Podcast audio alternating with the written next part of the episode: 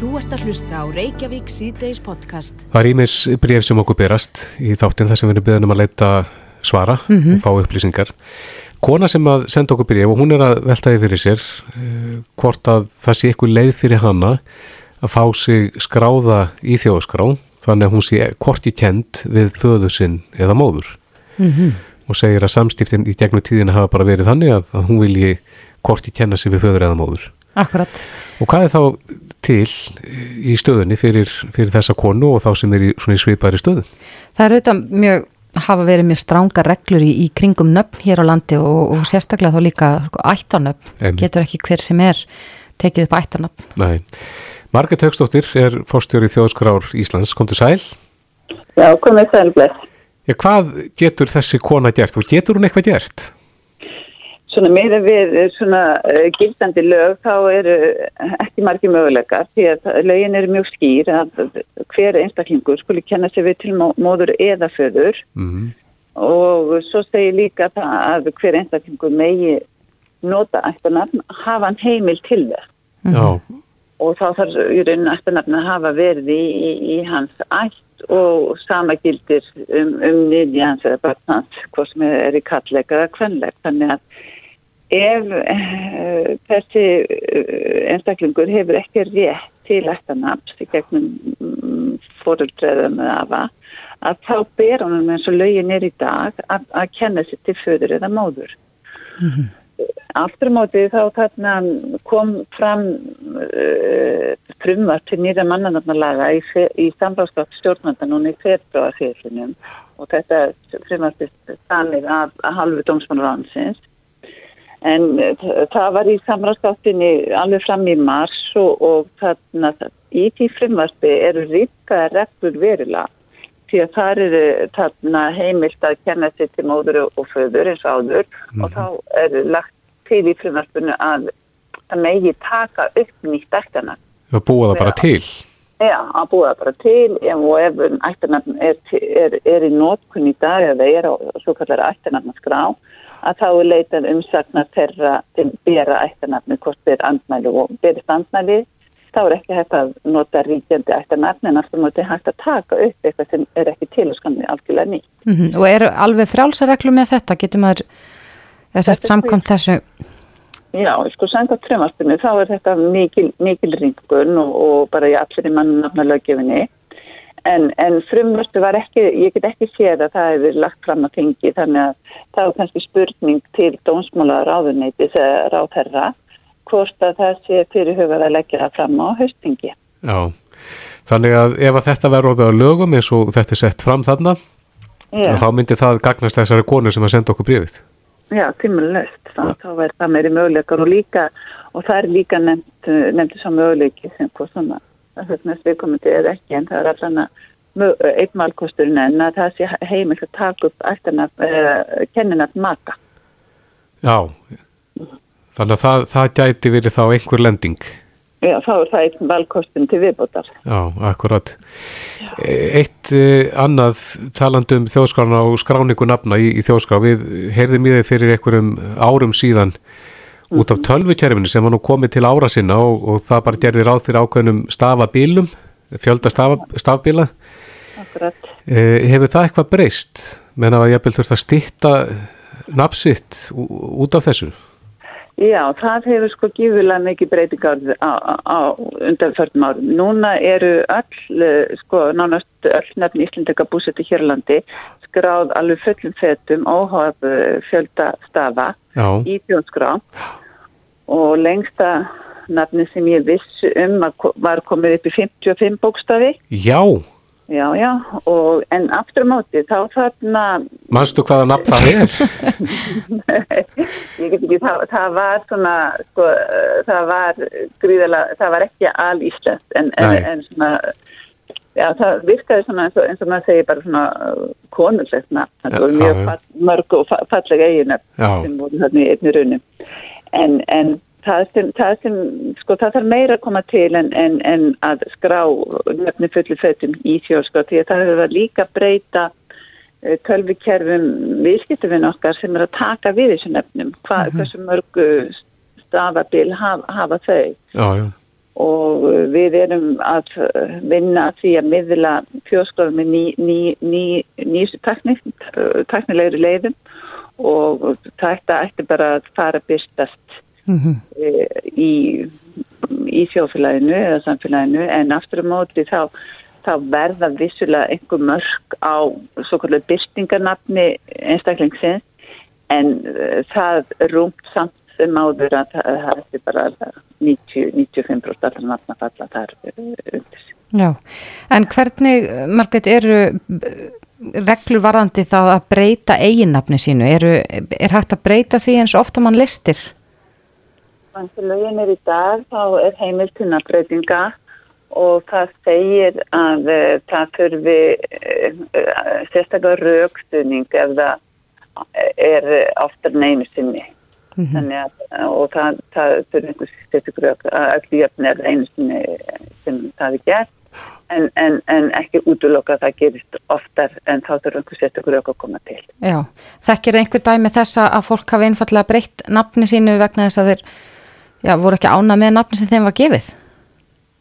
Já, er náttúrulega allskyns ástæði fyrir því og það er bara tölert mikið um að þessi óskast nafnbreytinga, hvort sem fólk er að breyta nafni sínu eða bæta við fleiri nafnum, það er bara allt mögulegt í gangi og ekkert óvelkengt að, að, að erindin nafnbreytingar komið, komið til okkar og, og þetta er í fyrsta skipti og, og, og nafnið er að manna nafna skrá þá tekur þetta bara örfáða dag að fá nafni sínu breytt. Já, já. Eitt í blálógin, Marget, eh, að því að ég sá nafnið hérna eh, byrtast í frétt eh, inn á vísi.is en, en það segir hérna talera upplýsingar um alltaf 4000 íslendinga með finna í gagnagrunni kýmvesks fyrirtækis sem á hérna hefur eitthvað tendinga við hér og leini þjónustu Kína. Og þarna eru nöfn embætismanna, dómara, alþingismanna, fyrirverand og núverandi. Og svo ræk ég augun í þitt nafn, Margit Högstóttir fórstjóri þjóðskrár Hva, hérna, hvernig var þér við að, að frétta það að þú væri á þessum lista kýmverjana? Mm. Jú, þetta slær mann óneittalega ég verði að viðkynna það og, og, og kemur, manni, kemur mér verulega óvart það sem að þarna uh, er um lista kýmversk fyrirtækis að ræða sem, sem tengist hernum og manni finnst þetta nánast útópist en um, þetta er í rauninni kannski bara svona staðfestik á því hvað, hvað er verið að sapna uh, gögnum um einstaklinga án þess að nokkur óra fyrir því og svo fjarlægt eins og í, í, í, í Kína. Og það sem ég rækka augun í er það að þarna kemur fram að ég með þess að skamstöðum PEP sem týðir þá um, með einhverju uh, tengingu við stjórnmál og, og það finnst mér uh, líka forvinnilegt og, og koma óvast vegna þess að ég hef aldrei verið skráði í stjórnmála samtök að virka í einhverju slíku starfi en vissulega á ég pólitískan yfirmann mm -hmm. það, það, það, og hef, hef haft það þá tengingu í, í gegnum mín starfsár hjá, hjá ríkinu. Hefur þú fengið einhverja frekara upplýsingar um þetta? Það er talað um að, að einnig sé verið að sapna gögnum um, um sko jafnvel fjölskyldur eða, eða vandamenn þeirra sem uh, hafa byrst á þessum lista? En ég hef bara í rauninni engar aðrar upplýsingar en það var byrst í fjölmjölum og, og ég er bara uh, á, þykir áhuga verðt að sjá hver greining fjölmjöla verður á, á, á þessari frett og, og, og söfnum þessari upplýsingar eða verður að eitthvað, eitthvað að því. Vekur þetta óhug? Það byrst ofæðilegt. Ég er alveg, alveg, alveg, alveg þar en ég sé alveg fyrir þessu sko. Já, akkurat. Það er nú gott að heyra. Já, já. Margit Högstóttir, fórstjóri Þjóðskrár Íslands, kæra þætti fyrir spjallið. Jú, takk fyrir leiði. Bless, bless. Þú ert að hlusta á Reykjavík C-Days podcast. Reykjavík C-Days og bylgin heldur áfram. Við fengum hérna upplýsingar um, um Facebook-færslu sem vakti aðteglu okkar og, og snýra að sko lögheimili barna. Mm -hmm. Og hér er fráskilin maður sem skrifar og, og hann segir að barsmóður hans er skráð á lögheimili með börnunum eða barninu mm -hmm.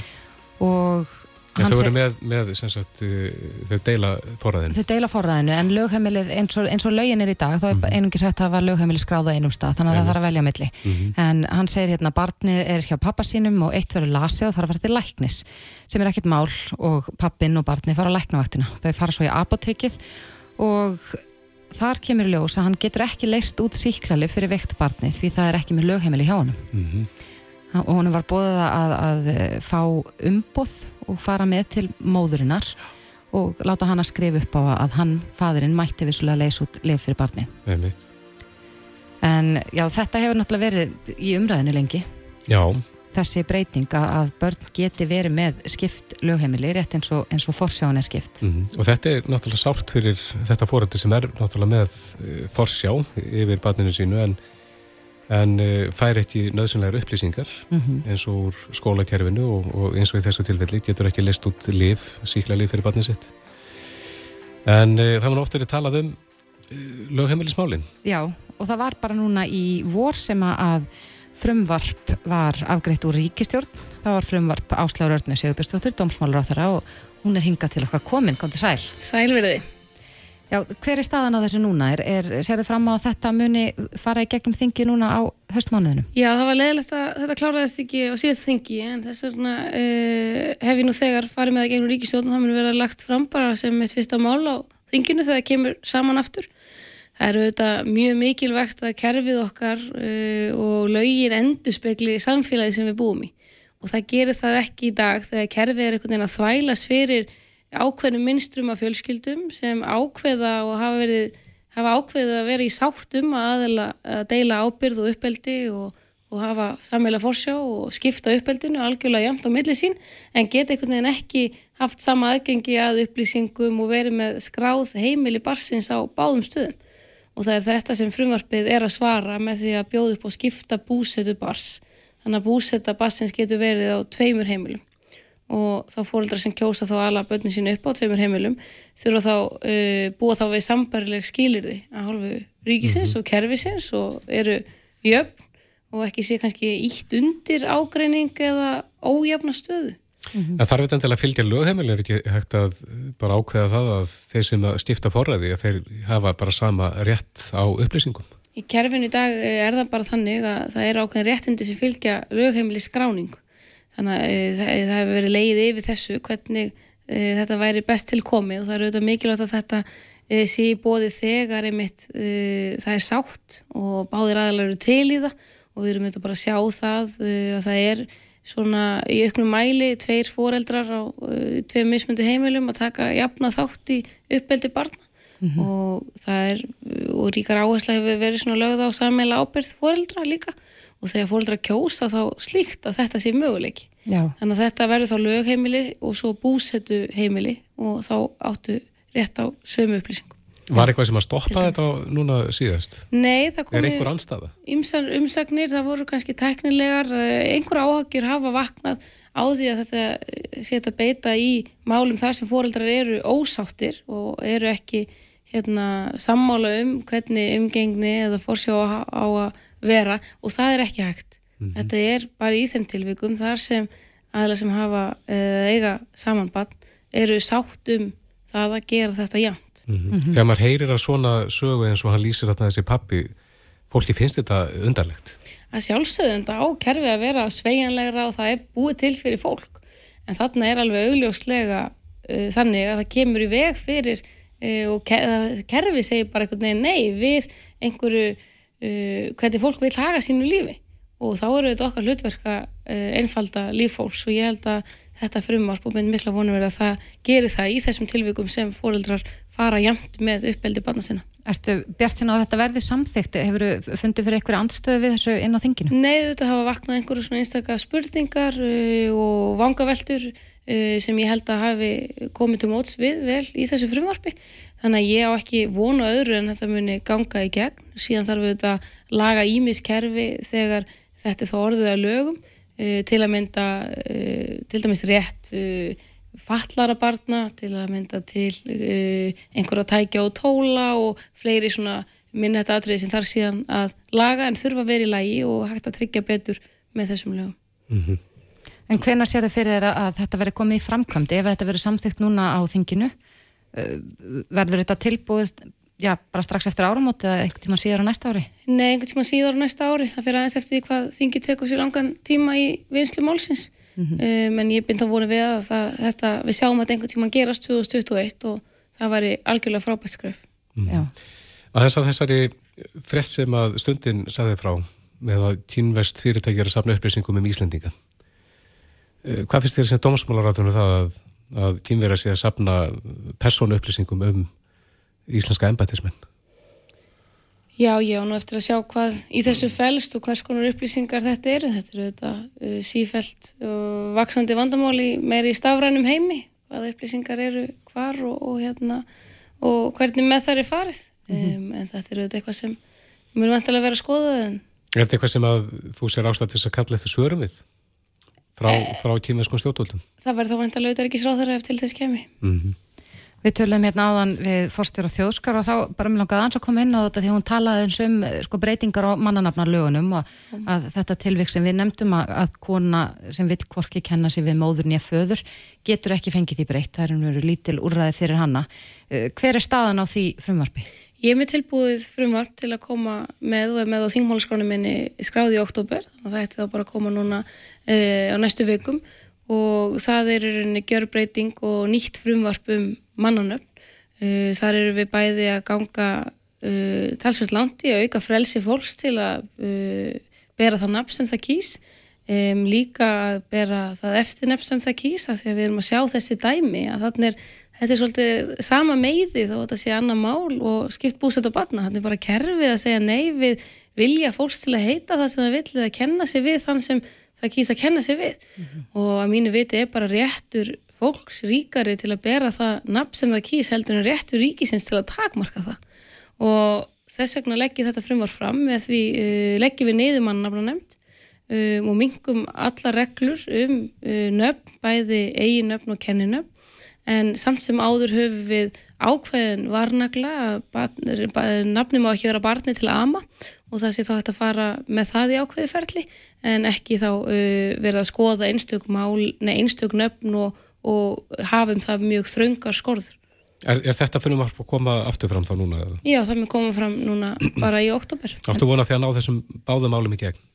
Um, mannanöfnin eru, hafa verið svona svolítið heit kartabla í umræðu og ég held að það sé mjög mikilvægt að við tökum góða umræðu um þetta frumvar. Það hafa komið önnur frumvar sem hafa þá verið þingmannamál gegnum tíðina hérna er búið að liggja yfir þessari vinnu og held ég að komast að niðurstöðu sem flestir ætti að geta felt sig við mm -hmm. um, og ég bind mikla voni við að við klárum þetta og aukum þar með frelsi fólks en gætum og gleymum því ekki heldur að uh, þessi lög sem við vinnum við í dag sem eru bara frá 1991 um, þau mynduð ekki íslenska mannanamnahefð íslenska mannanamnahefð er komin út af hefð og vilja fólks.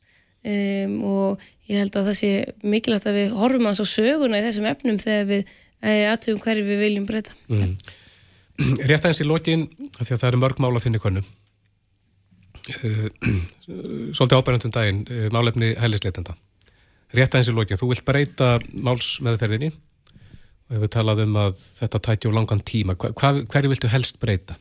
Já, þannig er uh, margt sem þarf að skoða. Við höfum auðvitað sett okkur skýra tímafresti sem uh, önnulend hafa ekki gert um það að ef við kerfið okkar næri ekki að afgreða mála ákveðin tímafresti að þá uh, gefum við fólki mannúðarleifi. Ekki af því að það, þá niðurstaðan sé að þurfi vend, heldur af því að kerfið náði ekki að afgreða innan ákveðins tíma. Mm -hmm. Við erum með stittri tíma er varðabörð þannig að við gerum talsverða kröfu á kerfið okkar það er samt þannig að við höfum séð og stundum varpa ákveðin mál einhverju ljósi á uh, kerfið sem þarf þá að taka til skoðunar eins og það að þú viti þá ekki hvernig málið þetta er búið ef það getur alltaf fallið aftur og tímafresti með nýjum uh, kærum til kærunemdar útlendingamála mm -hmm. um, en ég held að Uh, það var síðan, takmarka þá þann fjölda uh, hérna, kæra sem að hægt er að leggja fram? Það er spurning hvað þú átt að uh, hvað réttur þinn getur haldist í endur teknum umsóknum til dæmis. Um, við erum auðvitað bara að reyna að búa til þannig kerfi að við svörum fólki uh, vel og veitum þeim vend sem þurfa á hann að halda en svörum líka fólki fyrir sem fær þá neitun mm -hmm. svo að það lifi stittri í óvissu. Og það er bara almennt í þessu málum sem öðrum að fólk verið að vita hvenar e, niðurstað er endanleg og að niðurstað sé einhver tíman endanleg e, svo að við getum haft e, kerfið fungerandi Já. af því að hinga að leita margir og við viljum veita þeim venn sem þurfa hún að halda og gera það vel en þá þurfum við líka að passa að þau mál sem fá almennt neikvæði niðurstuð taki ekki of mikinn tíma í kerfin okkar. En er hætta á því að, að þetta verða einhver leiti misnota í- þannig að málin eru dregin á langin til þess að fá vernda mannúðar ástæðum? Það eru auðvitað öll mál sem eru, geta verið fordæmisgefandi og þess vegna þarf auðvitað að skoða hvert og uh, eitt uh, og hvernig við getum þá bröðist við með kerfinu okkar og hvað, hvar, hvar er kerfið að klikka og, og svo framvegis. Við höfum auðvitað komið þessum málum fyrir þannig að þessi kærunum útlendingamála sem er þá sjálfstæður úrskurðaðili en ekki dómsmálar á þeirra og það eru auðvitað líka aðteglisvert að áður henni var komið fyrir þá var gaggrínt mikið og það varu pólitísk afskipti af einstakar niðurstöðum, geðþótt ákvarðanir og, og annað sem við viljum ekki sjá í svona afgreðslum um, en núna þegar kærnefndin er komin að þá er mikið kallað eftir pólitískum ákvarðanum mm. ráðherra. Áttu vona því að þessa breytinga gangi hrætt í gegn? Nei, það verður ekki verið reyndin. Eh, Ég hef lagt til að stýtta til dæmis málsmeðferð eh, vendarmála þar sem fólk hefur fengið vend eh, og stöðu flóttamanns í öðru Evrópuríki. Það er þá með sama hætti í öðrum löndum að því okkar svona lögjöf sker þess úr á þessu leiti. Mm tökum mikinn tíma í þessi mál sem almennt lenda, enda á neikvæðri niðurstöðu. Það hefur ekki, því hefur ekki verið vel tekið. Um, en þetta eru allt uh, tilraunir uh, til þess að reyna að bæta kerfið og flýta bæði málum sem uh, enda neikvætt og jákvætt svo að við getum gefa okkur meiri tíma í þessi kannski mál sem taka lengri tíma. Mm. Og svo má geta þess að lauruglumennir eru konið með samning, kannski höfum ekki tíma til þess að fara mitt í það. Já, en- það var mjög ánægilegt að þeir samþyktu uh, nýja samning og, og það hefur verið laus síðan byrjun ást 2019, þannig að þetta er ánægilegt. Já. Áslu Arna Sigurbjörnsdóttir, dómsmálur á þeirra. Kæra þakki fyrir komuna. Takk fyrir. Hlustaðu hvena sem er á Reykjavík C-Days podcast. Það er fallegt veður í dag, jú, og í laugardalnum er, er, má segja, margt um mannin. Já, við erum komin hérna inn í, inn í byggð hjólísa og, og hittum fyrir Bergþóru Pálsdóttur. Sælabress, þú unir hag þín vel hér, já, í, í bara fallegu hjólísi. Ég, nú, ég fekk nú þar upplýsing að þú væri í tjaldi. Nei, ég er ekki í tjaldi, ég er í hjólísi og mér liði mjög vel hérna. Já, það væsir ekkert um mig. Eh, hve- Hvernig stendur á því að þú ert, hefur tekið þér bólfestu hér eða eh, hve- hve- hve- hver er aðdraðandi þess? Ég, það er að því að það var engin aðstáð á Akureyri þar sem ég kem. Þannig að ég eiginlega neittist þess að koma til Reykjavíkur en það er bara allt í lagi, mér líði bara mjög vel og ég eiginlega, þetta er vola skrítið, ég, mér langar eiginlega ekkert að flytja í íbúð og alls ekki í blokk. Ég er bara eins og í litlu einbílshúsi hérna og hefða bara mjög hugulegt. Já, það er ekki, eh, það er nú ekki ókipis að, að, að, að, búa svona. Svona? Já. Nei, nei, þetta kostar allt en það er dýrar að leia Já. og það er bara, ég hef ekki defnaði að leia, ég bara segja alveg sver það er bara, því miður þá er leigan orðin bara rugg og með að við 230. mánuði þá bara ræði ég ekki við það. Þannig að ég, já. Nábýlingar þínir hér, eh, þeir eru hér af, af, af sögum ástöðu, það bara endar ná ekki saman. já, sumir, sumir vilja vera svona. Sumir kjósa bara að búa svona. Já. og eiga bara meiri pening. Já, þannig að það er bara já, fólk velur bara. Já, já, ég skil ekki alveg að, að þurfa allir að vera í einhverju steinstipu sko. Nei, nei, nei. en svona er þetta En e, þeir eru hér, þið, þið standið saman, það er að segja að það er ekkit, e, það er ekki hér standandi partí og, og ólæti. Nei, það er eiginlega bara aldrei partí hérna. Það er bara, já, maður sakna þess. Nei, Nei það er alveg ótrúlega rólegt hérna. Það er bara, já, ég, það er bara aldrei neitt. Nei, Nei. þetta er, já, Nú hefur þessi hluti af lögardalnum hinga hafa nú ratað ímsir sem að, sem að eiga engin hús að venda og, og eru kannski í óreglu öðru. já, já, og það er enn í dag að þá er bara hérna fólk sem á hvergi heima, að það er bara, já, sest að kannski ná klósettunum hérna, þvottaherbygginu og eldhúsinu, þetta er mjög óþægilegt. Og þegar það fer að myrkra á kvöldina þegar það er nú ekki mikið ljósatýra hérna að þá fer ég ekki hérna upp yfir mér er ekki vel við það bara, ég sé alveg svo er. Og veist aldrei hverju þú mætir. Og þetta er í analugu ástand og allavegna sko. Þannig að Þú kvíðir ekki vetrinum? Nei, það er nokkið vetur hér. Ekki eins og ég var fyrir norðan, þá snjóaði ég í kaf. en það er ekki hér. Nei. Nei, ég hef alveg sloppið og ég ætla að vona að besta þennan veturni líka. Að þínum að þið þyrft að vera hér s- s- stærra svæði sem að, eh, sem að já, þeir sem er að kjósa þennan búskap eins og þú hefur gert. Og það er eh, líka hakkvæmt eða þarf að segja endar ná ekki saman, við veitum alveg hvernig verðlega er almennt en, en mætti vera mætti vera fleiri svona svæði? Já, það mætti vera og, og stærra og bara með betra aðgengi að öllu. Þetta er bara eins og erlendi sem en að þú kemur þanga þá eru bara flott svæði og stæði en við erum langt á eftir. Langt.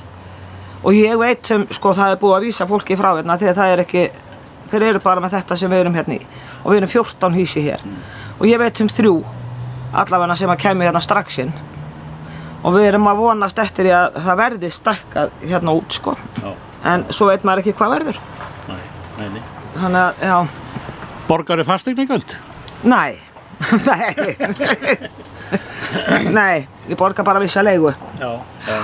já, Aðstöðu gjald já, já, aðstöðugjald. Já, já, þetta er, já það er nú svo þess að það er. En þannig e, ná endar saman og, og það gengur nú út á það og þú, þú átt fyrir nöðþurstum og, og, og frá einum degi til annars og kannski veitir þér ekki mikið. Já, já, ég, það er alveg rétt ég syns maður gerir ekkert mikið þó maður leiði ekki dýrt hérna en þá, það kostar allt þannig að þetta er, jú, jú, ég á aðeins meiri peninga venjulega sko sem er bara ánægilegt Já, já. En það má ekkert klikka í þessum húsum sko. Það er dýrt að kaupa í þau sko. Ef að ískapunum fer þá er 200 skall sko. Já. Þannig að það er ekki gefið sko. Áttu bíl Já, já, bíl. Og hann er svona e, það faratæki sem þú e, notar svona til að skipta um umhverfi. Já, já, já. Og ég ætla bara, já, ég hef búin að eiga tvo bíla núna, hvað var þessi síðast ári og svo núna á þessu ári. Þá hundu þeir nú báðir þannig að ég er á þriðja bílum sko. Já, já. En þetta er ekki dýri bíla sko. Nei, Nei, nei, en þeir komast ræðtölu og það er bara fínt. Já, og, og þú unir hagðinum vel og betur en þú ella gerðir ef þú erir í, í búð einhver staðar í fjölbíli. Ó já, ég bara, ég vil ekki fara í fjölbíli. Ég, ég bara, þú veist aldrei hvar þú lendir sko. Hérna er ég bara safe sko. Já. Mér finnst ég bara örug. Og það er bara, sko við hérna á þessu svæði, við pössum upp á hvert annað. Það þekkjast allir og þetta er bara, þetta er alveg ótrúlegu félagskapur. Ótrúlegur og mjög gott fólk hérna.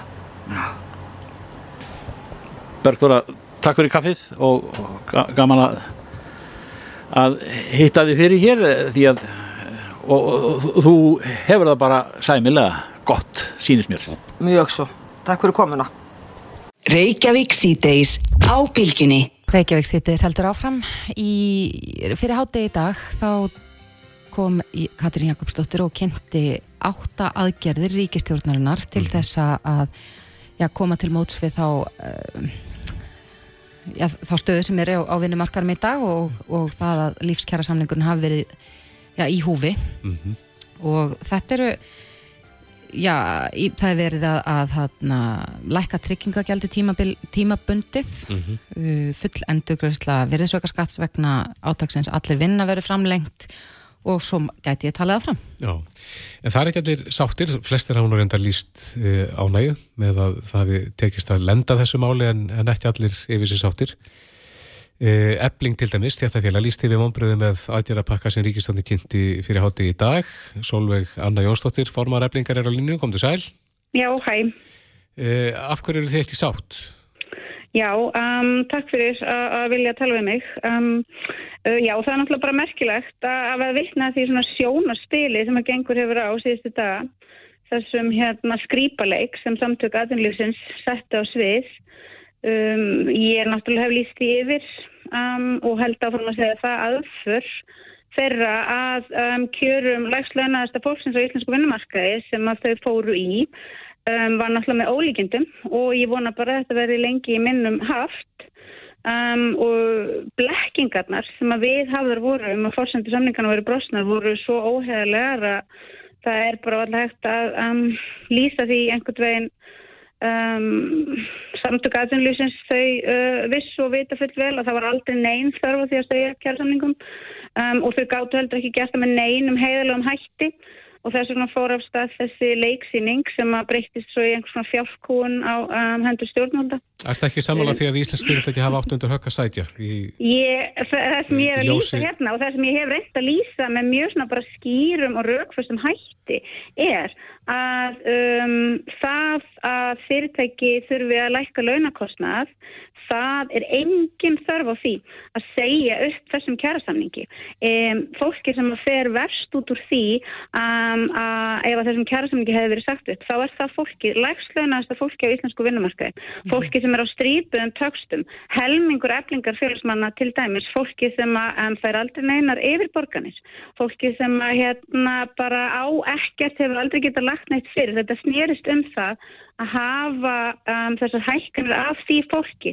Uh, ég hef komið þess að framfæri við stjórnvöld og ég hef reynd að segja þetta líka bara í greina skrifum ef að fyrirtæki um, vill lækka launakostna hjá sér þar sem að fólk er verulega yfir borgar þá er það þeim bara í sjálfvaldsett og það að samtöku aðunlýsins hafi tekið þessa kjara samninga í gíslingu kjærasamningar sem ná um, um, yfir 120.000 manns um það byrja á vinnumarkaði er um, ótrúlegt. Um, ég verð að segja að eina orðið held ég sem ég geta þessum tímapunkti notað yfir það sem ég hef voruð vitnað er bara spilling. Um, það hljóður bara verið einhvers svona spilling að stjórnvöld hafi ekki um, sett um, haldur í bænum minni og samtökum aðtunlega stólinn fyrir dittnar. Um, ég bara er stórkoslega undrandi á því að liðræðislega kjörinn stjórnvöld hafi bara látið undan og hafi bara sjálf ekki vist upplifa að þetta veri aðför að öllu sem maður kalla mætti einhvers konar eðlilegt ástand í líðræðislu samfélagi. En Solveigana, hvaða aðgerðir hefðir þú vilja sjá frá stjórnvöldum ef að, ef að einhverja væru?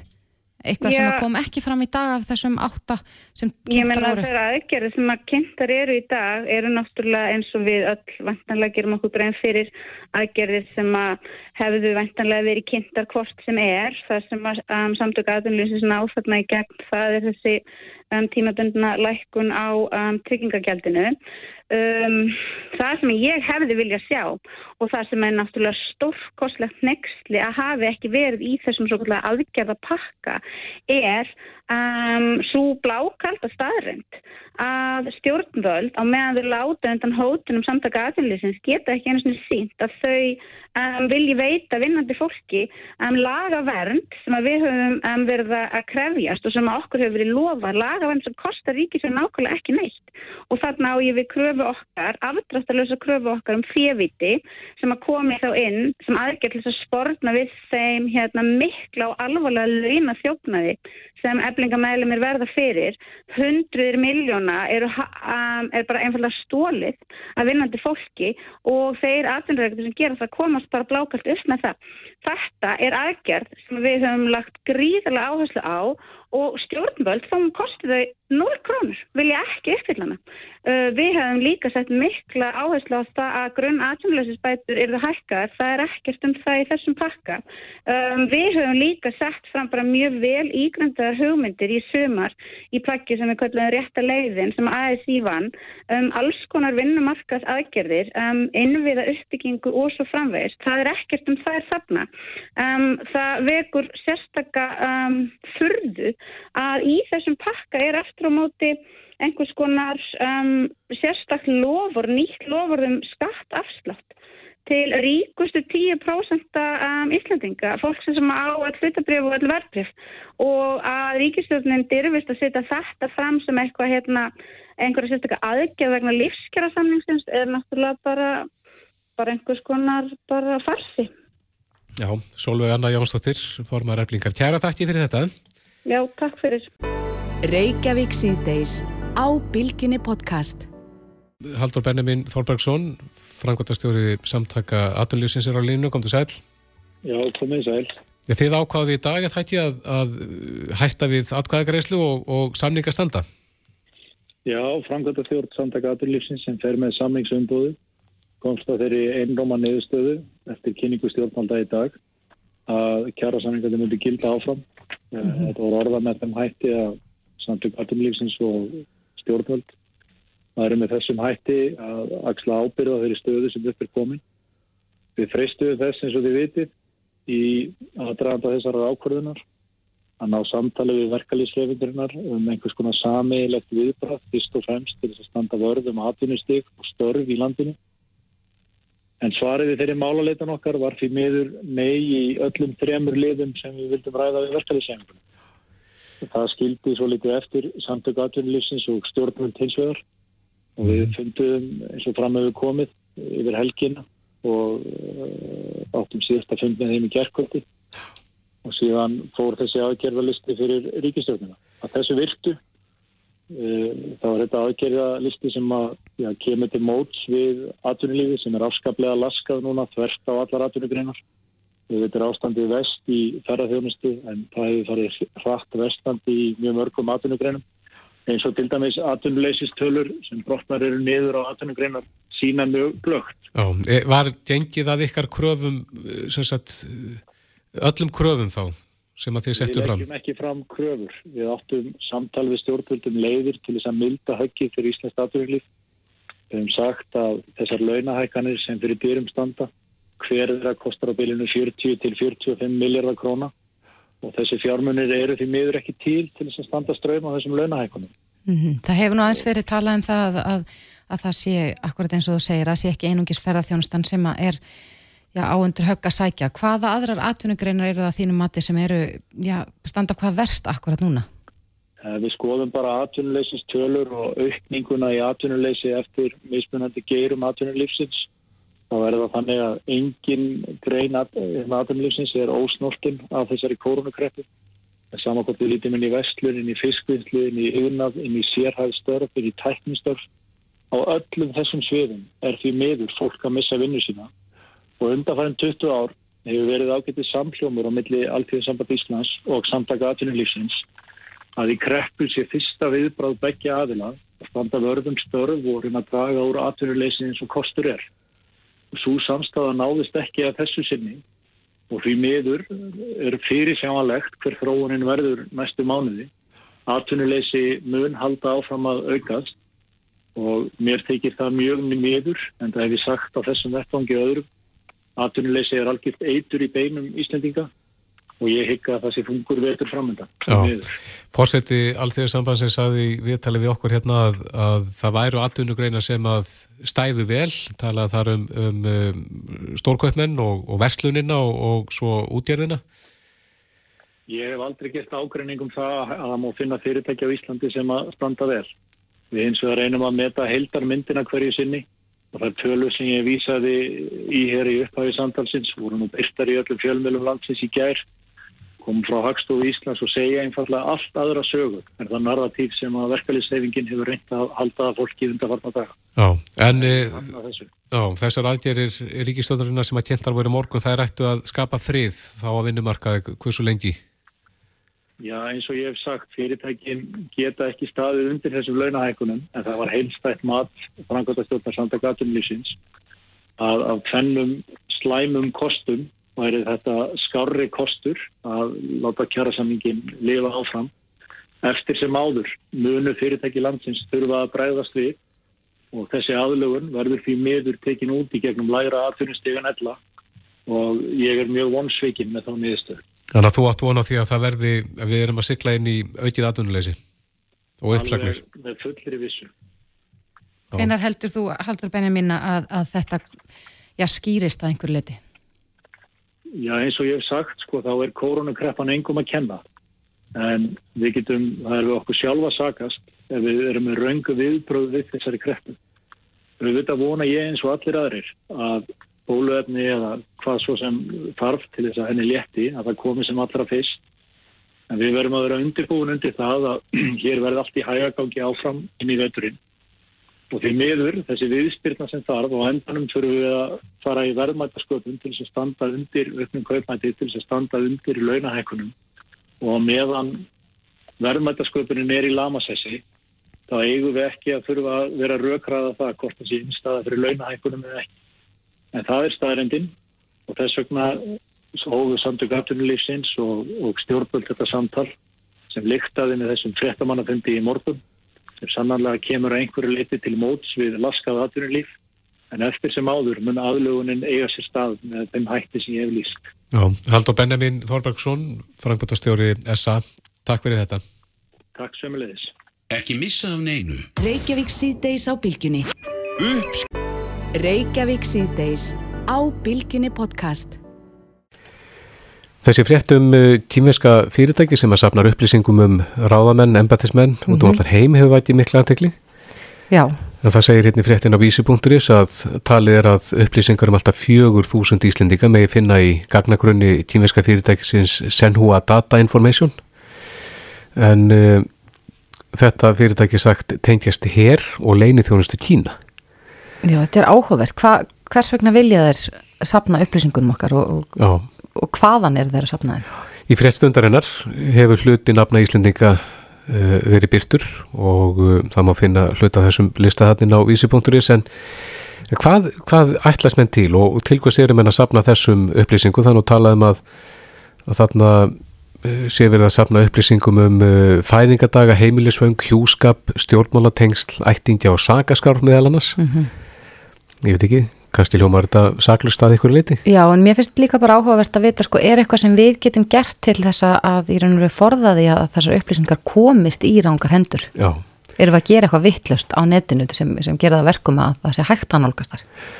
Á línunni er Valdimar Óskarsson, hann er frangvandastjóri Sindis sem er net og upplýsinga öryggisfyrirtæki. Kom til sæl?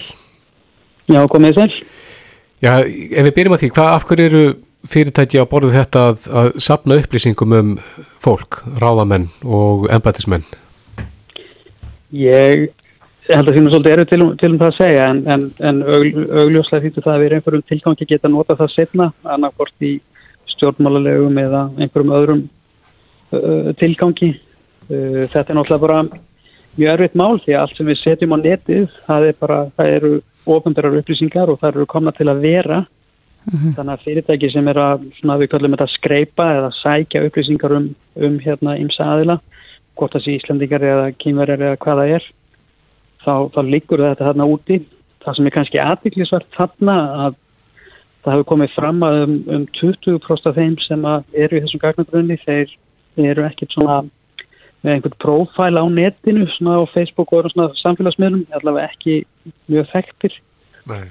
og það kannski leiðir svona tilgáð, maður það kannski þá tilgáttu að, að hugsanlega er einhverjir gagnalekar eða eitthvað svo leiðis, við munum hvað gerðist með Cambridge Analytica, það lágur gögn út, það sem að gögn voru bara einfallega selt og misnótuð. Já, er, getur verið að þetta séu kannski upplýsingar sem að sendir á stafsmenni eru að við aðsýr í þessum löndum, eins og hér? Það er, það er alveg hugsanlegt og, og ef maður skoðar þetta fyrirtæki sem að um er að ræða, að þeir nú búin að taka niður heimasíðinu sinna að þeir eru að gera eins og hluti sem eru kannski kemur svolítið óvart. Þeir eru að sækja ekki bara gögnum fólk heldur bara um, um hernað og, og skip sem eru með hernaða gögn og þannig að þeir eru að sækja rosalega mikið af upplýsingum sem að tengjast kannski ekki personum heldur bara heldur stjórnvöldum og hvernig hvað, hvað þau eru að gera. Mm -hmm. En þá kannski veltir maður því fyrir sér hvort að þetta sé undirbúningur fyrir eitthvað eitthva meira og starra heldur að séu líkur á því?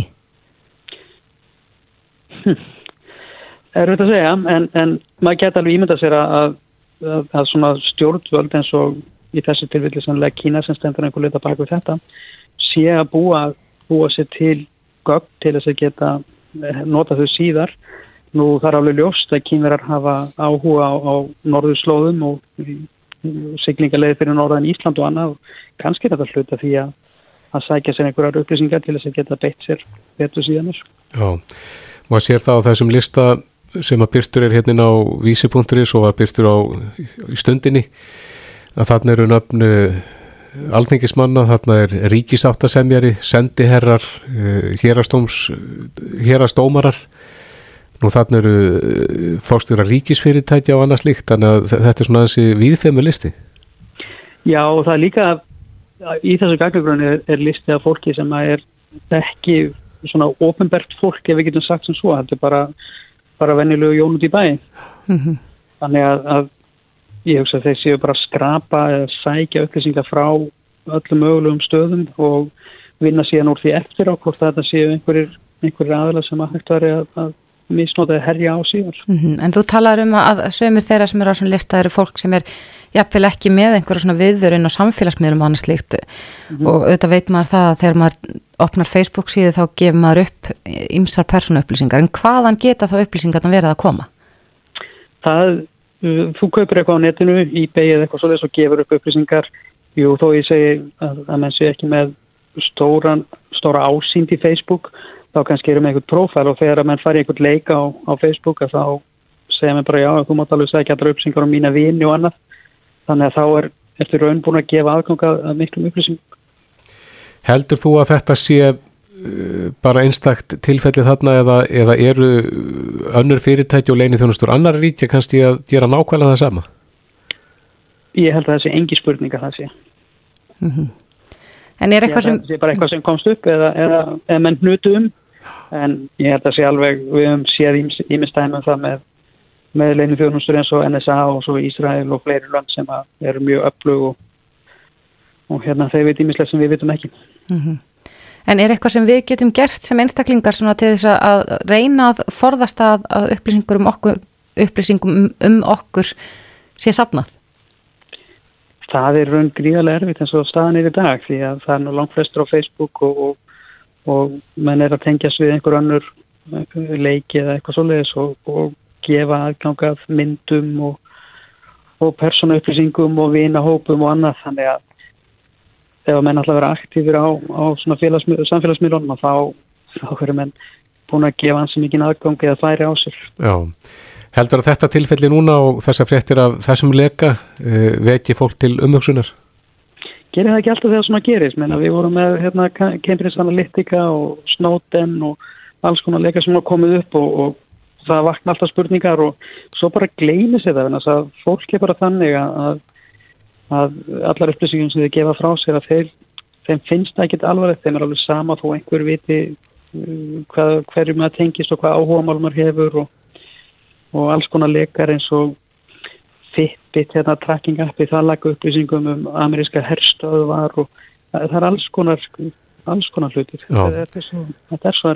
En hvernig stöndum við Íslendingar okkur í að reyna að verjast svona gagnasöfnun og, og kannski innbrótum inn í viðkvæma gagnabanka? Er við nógu tæknilega undibúin fyrir svoleiðis? Ég held að við skoðum tæknilega hlutan þá séum við á ágætum stað. Uh, manni finnst í okkar vinnu sjáum við kannski vanti svolítið eftirlit. Það er ekki nóg bara að setja upp eitthvað búnað og, og trúa blind á hann ef enginn er til að skoða hvað búnaðan að segja.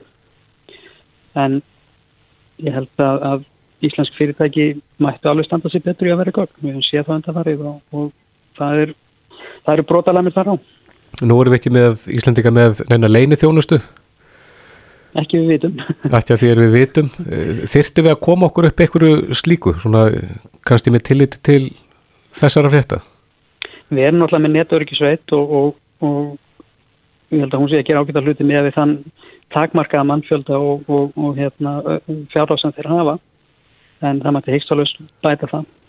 Já, akkurat. Það virkar að eftirlit á, á okkar ytri landamærum hvað var það gagna hluti. Já. Valdimar Óskarsson, frangvotastjóri Sindis, kæra þakki fyrir þetta. Takk fyrir mig. Bless. Bless. Þetta er Reykjavík C-Days podcast.